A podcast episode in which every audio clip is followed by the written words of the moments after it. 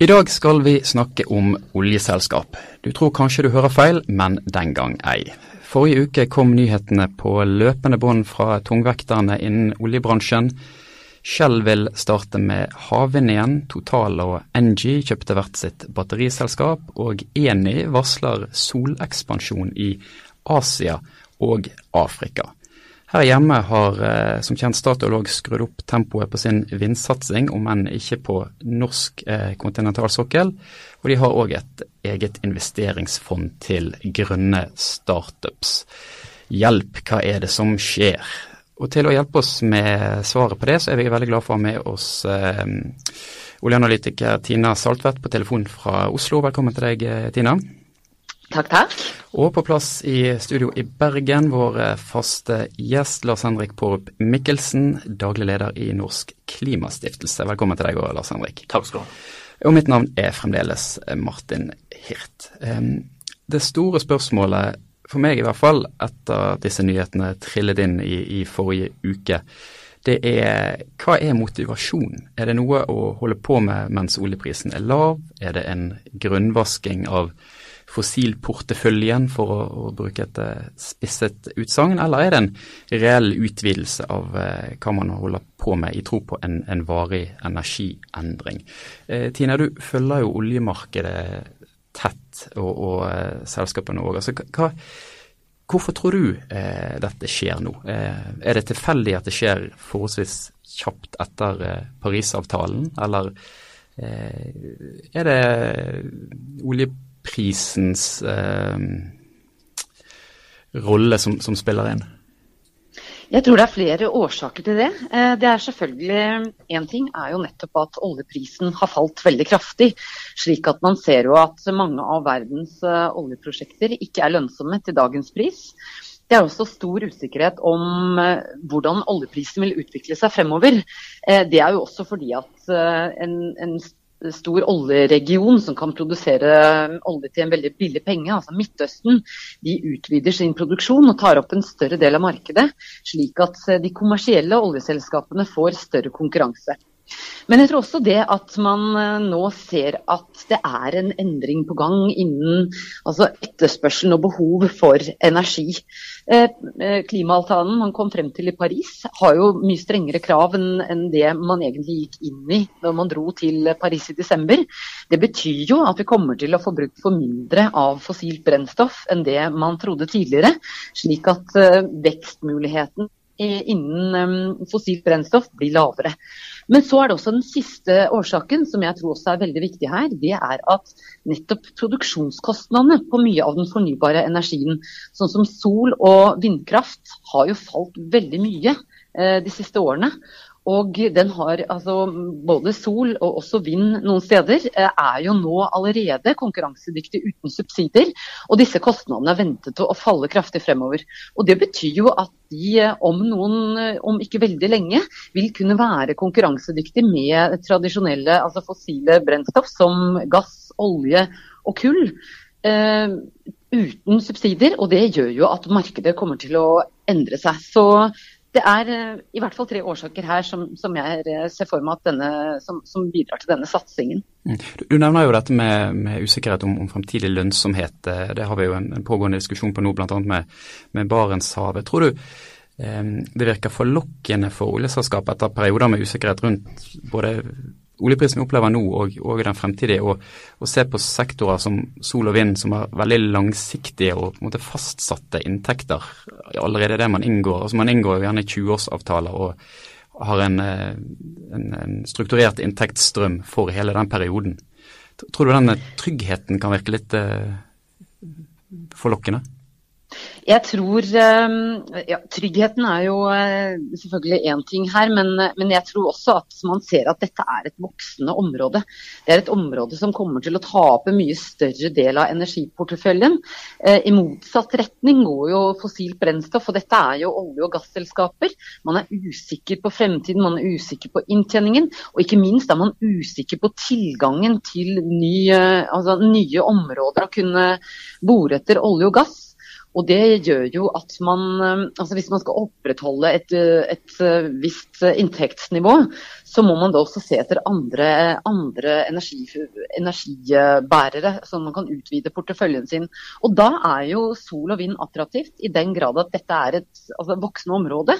Kostnadene faller kraftig, slik at man også ser for seg en, en økende vekst her. Mm. Og det er jo et, eh, En av disse eh, oljeselskapene sier jo nettopp dette, at de ser for seg at, eh, at det var solmarkedet vil komme til å få en stor, altså stor, vekst fremover, og at de vil ha med seg den oppturen som det gir. Mm. Lars Henrik? Altså, Veldig mange av oljeselskapene taper jo penger. Eh, så det er klart at eh, når, du ikke har fått liksom en eh, rask en måte, stigning i oljeprisen, som kanskje noen trodde for en del år, tilbake, så blir man jo tvunget til å se etter nye inntektsstrømmer. Og så er jeg helt enig i at jeg tror at det går opp for stadig flere at dette ikke er en sånn kortsiktig eh, dump som man har sett eh, tidligere, men at nå er det på en måte starten på et strategisk fundamentalt skifte i energimarkedene. Uh, og bare en sånn interessant eh, observasjon. I går så, så jeg noen tall som viste at eh, bare i april så ble det solgt nesten 30 000 elektriske kjøretøy i Kina. vanvittig vekst fra året, året før. og det er klart at når den sektoren som konsumerer halvparten av verdens olje, begynner på en måte å se seg om etter andre drivstoffmuligheter, så får dette konsekvenser. Så jeg tror at man, her blir man på en måte tvunget inn i, i, i et annet spor. med hvis man skal på en måte fortsette å tjene penger. Men så er jo spørsmålet om, om oljeselskapene er de rette selskapene. Om, om, eh, om, de er i stand til å på en måte være med på, på det nye. Og det er ikke sikkert. Og så syns jeg òg at det er litt vanskelig med å skille mellom alle disse nyhetene som skiller. Hva er på en måte eh, reelle, store satsinger? Hva er på en måte litt sånn nitty-gritty eh, eh, prosjekt? Og der vil jeg kanskje si at Total er kanskje det selskapet som hvis jeg skal peke på ett selskap da, som jeg syns virker spennende, som har sånn klare ambisjoner på sol, har eh, vært kritisk til Arktis, har vel trukket seg ut av eh, Arktis. og som på en måte virker som har mer sånn helhetlige planer, ikke bare sånn enkelt oppkjøp eller noe små, småprosjekt. Mm. For, for, Total, det de har gjort nå, de har jo for, for en del år tilbake så kjøpte de to tredjedeler av SunPower, som er et av de største solenergiselskapene i verden. Og så har man nå kjøpt et uh, batterilagringsselskap. og Det er jo veldig lett å se for seg den koblingen mellom solproduksjon og batterilagring av nettopp uh, solen, som er en av, altså en av, de større utfordringene rundt fornybar, er jo hvordan man skal klare å la, lagre den i perioder der uh, produksjonen er, er svært høy. Men så, så, så vet ikke jeg, vet du kanskje Saltvedt bedre om det, men det er klart at i olje og gass har man vært vant til superprofitt. Man har tjent enorme mengder penger. Og det er klart at den samme profitten det finnes ikke i fornybar energi. Eh, så det kan òg være at det liksom er, altså på en måte gjør det litt vanskeligere. Hva, hvor hen skal du gå inn når du vant på en måte at det du på en måte rører, så renner på en måte bare pengene inn. Mm. At eh, det er vanskeligere å generere de store inntektsstrømmene innenfor eh, fornybar. Hva tenker du om det, Tina? Ja, Det tror jeg nok er en av utfordringene. At uh, det har jo gitt en enorm inntekt, uh, olje- og gassatsingene frem til uh, 2014. Så det er klart at det er vanskelig å erstatte det for et selskap. De har jo tross alt aksjonærer. De har en veldig streng dividendepolitikk som de ønsker å opprettholde, som har vært deres konkurransefortrinn. Så det er klart at det er en utfordring. og Derfor vil de nok også prøve å se hvilke muligheter da andre energiområder gir. Eh, også fordi at man vet jo at med strengere krav til eh, utslipp fremover, så, så, vil jo det også legge på en ekstra kostnad ved både produksjon, men også forbruk av fossilt brennstoff, som da vil gjøre, gjøre disse områdene mindre attraktive. Så det er en utfordring som selskapene har, eh, og, og som de da må, må prøve å, å eh, leve opp til. At man da skal i hvert fall kunne erstatte noen av de inntektene som man tidligere hadde. Mm. Er, det lett å hause opp sånne nyheter? Altså det er jo for så vidt jeg med på å bidra til nå med å ha dette som et, som et tema. Så jeg, jeg har sett eh, personer som har dratt en sammenheng mellom det faktum at Shell trakk seg fra, fra 23. konsesjonsrunde som nylig ble utdelt, og at det går en forbindelse derfra der man nå er med på et konsortium som skal bygge havvind utenfor Nederland. Eh, og det er jo eh, korrelasjon, men ikke kausalitet, er det vel. Eh, noe, noe som heter også, De skal jo fremdeles bare bruke 1% av sine årlige investeringer på fornybar energi i 2016. altså Er det litt sånn griper man fatt i alle positive nyheter og roper 'nå skjer det'? Jeg tror faktisk at her er det et reelt skifte på gang. Og det har nok mye, som uh, Lars Henrik var inne på, uh, det at vi nå begynner å se en endring i forbruksmønsteret for de som faktisk bruker energi. Fordi man nå får alternativer på bane. Uh, det er jo transportsektoren som er ekstremt viktig for oljeselskapene. Fordi at 55% av vårt oljeforbruk det foregår innen transportsektoren. Og denne sektoren har jo vært så å si skjermet fra noe som helst konkurranse konkurranse. Så vi har jo vært avhengige av olje, egentlig. Men nå begynner vi å se endringer her. Uh, og det er jo fordi at oljeprisen har vært veldig høy. Uh, så har det jo kommet nye alternativer på bane. Og disse alternativene, f.eks. elektriske biler, hydrogenbiler, det har jo også naturgass, biogass som kommer som alternativer. Og når de alternativene begynner å bli konkurransedyktige uten subsidier, så vil, altså, da vil folk velge etter pris. Og, og, det er klart at Da blir eh, oljemarkedet seende helt annerledes ut. Det der eh, Forventningen om at oljeetterspørselen bare skal fortsette å vokse og vokse i all fremtid, den er ikke så sikker lenger. og det det tror jeg også oljeselskapene har begynt å innse. Slik at eh, de vil være med på disse store trendendringene som kommer. Eh, det er de nødt til hvis de skal fortsette å vokse som selskap. Og, det, det, tror jeg også er bidragssidene til, til, nettopp eh, det som skjer nå. Og så vet man jo også det at klima, altså fokus på klima er veldig viktig. Og det er noe som folk flest begynner å oppta seg mer og mer av så er jo den store testen det at hvis du nå får en rekyl i oljeprisen, eh, så er spørsmålet da om oljeselskapene vil si hva var det vi sa, dette var på en måte nok en, nok en dupp, og at man ignorerer kanskje de liksom mer langsiktige trendene. Men så, så, er det på en måte et annet spørsmål, det er jo om hvorvidt er oljeselskapene de selskapene som er nærest til å på en måte løse de utfordringene som skal løses. Um, og da er det jo klart at veldig mange nye teknologi, altså veldig masse nye løsningene, nye energisystemer, det handler vel så masse om teknologi, kanskje mer om teknologi enn om råvareproduksjon. Uh, og da kan det godt være at andre selskap som er kjappere, uh, mindre, uh, men som har god tilgang på kapital, som kanskje er mer egnet. Det kan òg tenkes at telesektoren, som jo på en måte allerede er i håper jeg, husveggen vår, en sektor som er vel så nærmt egentlig til å liksom, gripe an sol og, og smart planlegging, mobilitet osv. enn det oljeselskapene som har kanskje en tung, stor og tung struktur. Det, det leder meg litt hen på, på siste spørsmålet i denne bolken. Altså, det har jo eh, Statoil opprettet sin eh, avdeling for nye energiløsninger og valgte å beholde den avdelingen innad i i selskapet. Det skal òg eh, tilsynelatende Shell gjøre med, med, sin vindsatsing, som formelt skal annonseres eh, 7.6, etter det jeg skjønner. Mens andre som, som E.ON og RWE har rett og slett valgt å dele selskapet i, i to, og der man legger den tradisjonelle eh, olje- og gassproduksjonen i en portefølje, og så trekker man ut eh, det som si, kan omtales som, som, nye energiløsninger og batterilagring og Eh, litt annet eh, krimskrams eh, for seg sjøl. Hva,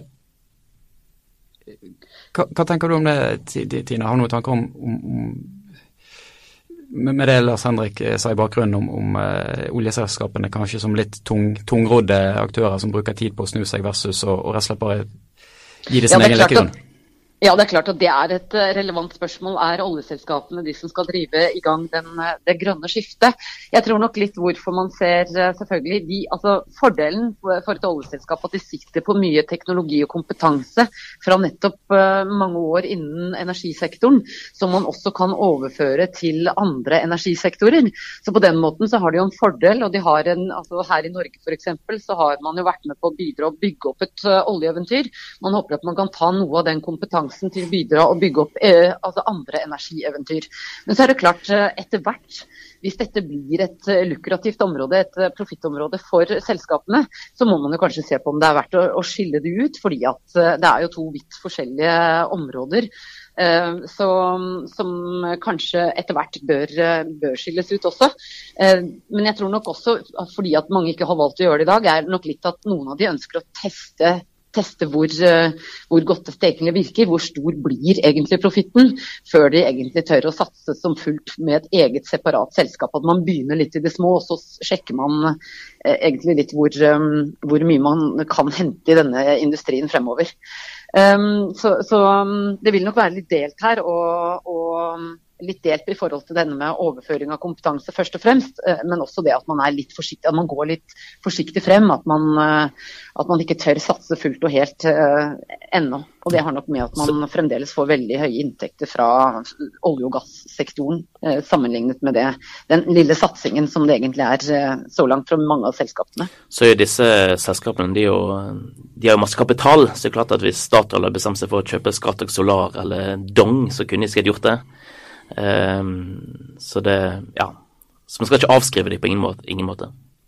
Men jeg syns også det er litt sånn interessant eh, det, det, du var inne på i sted. fordi at eh, Hvis man tar bilmarkedet som et eksempel her, så ser vi jo at nye aktører har jo kommet inn og utfordret de gamle, tradisjonelle produsentene, mm. som virkelig kan snu markedet. Og det kan nok også komme til å skje innen, um, innen uh, energiproduksjon. Fordi at det vi ser er jo at uh, f.eks. Tesla og Google kommer mm. inn. Hva er de gode på? Jo, de er gode på noe helt annet enn nettopp dette med transport. De er gode på dette med digitale løsninger. De er gode på helt andre ting. Eh, som kommer da å utfordre den tradisjonelle bilindustrien. Og denne type utfordringer, altså ny konkurranse fra helt andre aktører som tenker på en helt annen måte, det kan gjøre at du får raske endringer og helt nye endringer også innen energiproduksjon. Helt på tampen så eh, skal vi innom et uh, annet tema. Forrige uke så kom revidert nasjonalbudsjett. Her skulle egentlig mandatet til statens nye investeringsfond Fornybar AS kommet, et fond vi har eh, snakket om i denne podkasten tidligere. Nå ble det utsatt til eh, statsbudsjettet for neste år, men det kommer likevel ganske mye informasjon eh, om fondet. Det skal ikke brukes til subsidier, det skal ikke støtte ny kraftproduksjon i Norge. Det skal være en norsk forankring, men et såpass vidt investeringsunivers at eh, man kan iallfall lese ut av det at det går an å støtte ting som skjer i utlandet. Eh, og det skal direkte eller indirekte bidra til å stoppe klimagassutslipp, altså støtte teknologi som, som oppnår eh, det. Eh, du skrev en kommentar på energi og klima om fondet, Lars Henrik. Er vi på rett vei? Ja, um, for dette kunne jo blitt Altså, Norge så har det etter hvert et veldig eh, mangfoldig støtteapparat og masse fond og masse ulike ordninger. og det er klart Å etablere en til, det er ikke gitt at den da ikke vil snuble beina på de andre etablerte ordningene. Så at vi nå bruker god tid eh, og gjort en del viktige avklaringer, tenker jeg eh, det er tegn fall på at myndighetene ønsker å gjøre dette riktig og se ting i sammenheng. Mm. Så det, det, tenker jeg, eh, det tenker jeg er bra. Så jeg er holdt enig med de avklaringene man har gjort. Altså Skulle dette fondet investert i fornybar kraftproduksjon i Norge, så ville det vært helt meningsløst. Men så er det på en måte å finne balansen. Hvordan skal dette fondet være med å eh, løfte, altså få, få frem mer privatkapital, og ikke på en måte erstatte privatkapital. Eh, og det er, ikke, det er, ikke, gitt hvordan man skal få det til, men det at man bruker litt ekstra tid på å finne ut den rette modellen, det tror jeg er riktig.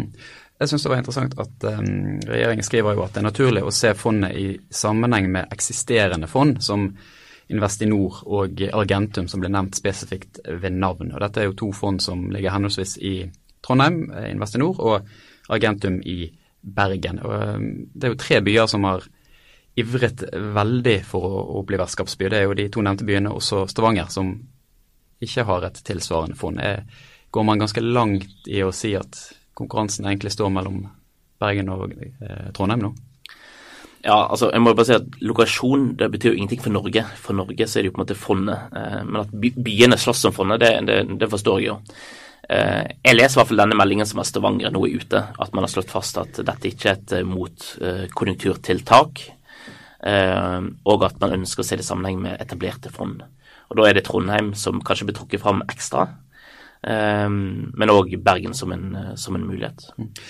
Tina, hva tror du er, viktig for at et sånt fond som dette, som skal få 20 milliarder kroner på sikt, eh, bidrar til å lette finansierings, eh, altså jakten på, på privat kapital og finansiering av grønn teknologi? Har du noen eh, tanker rundt det? Ja, det er jo klart at Dette fondet er jo nettopp fordi at det har vært veldig vanskelig å få inn risikokapital nettopp for å satse på grønn energi. Dette, her, eh, dette fondet er jo nå kommet for å bidra til å hjelpe utviklingen av eh, ny teknologi for å få i gang dette grønne skiftet raskere. Så, så, det er veldig spennende. Og det blir veldig spennende å se hvordan man da etter hvert eh, eh, som Lars Henrik var inne på, hvordan man da skal klare å få med seg de, de private investorene, som er helt nødvendig for å få det i gang. Også for, eh, så er det helt nødvendig for å få med de, altså, helt vesentlig å få med private investorer for å få langsiktigheten i dette, for å få det til å gå etter hvert og, og kanskje bli enda større, uh, uten, å, uten, å, ha statlige midler. Mm. Det gjenstår å se både om oljeselskapene kommer til å satse videre på fornybar energi. Dommen fra panelet er vel at det kommer de muligens til å gjøre. Og eh, ikke minst eh, bykampen for Fornybar AS, som eh, kanskje ikke er det viktigste, men som iallfall tabloid sett er det mest spennende for meg.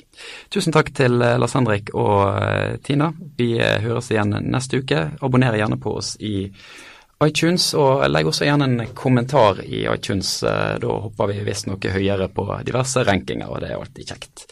Tusen takk, vi snakkes.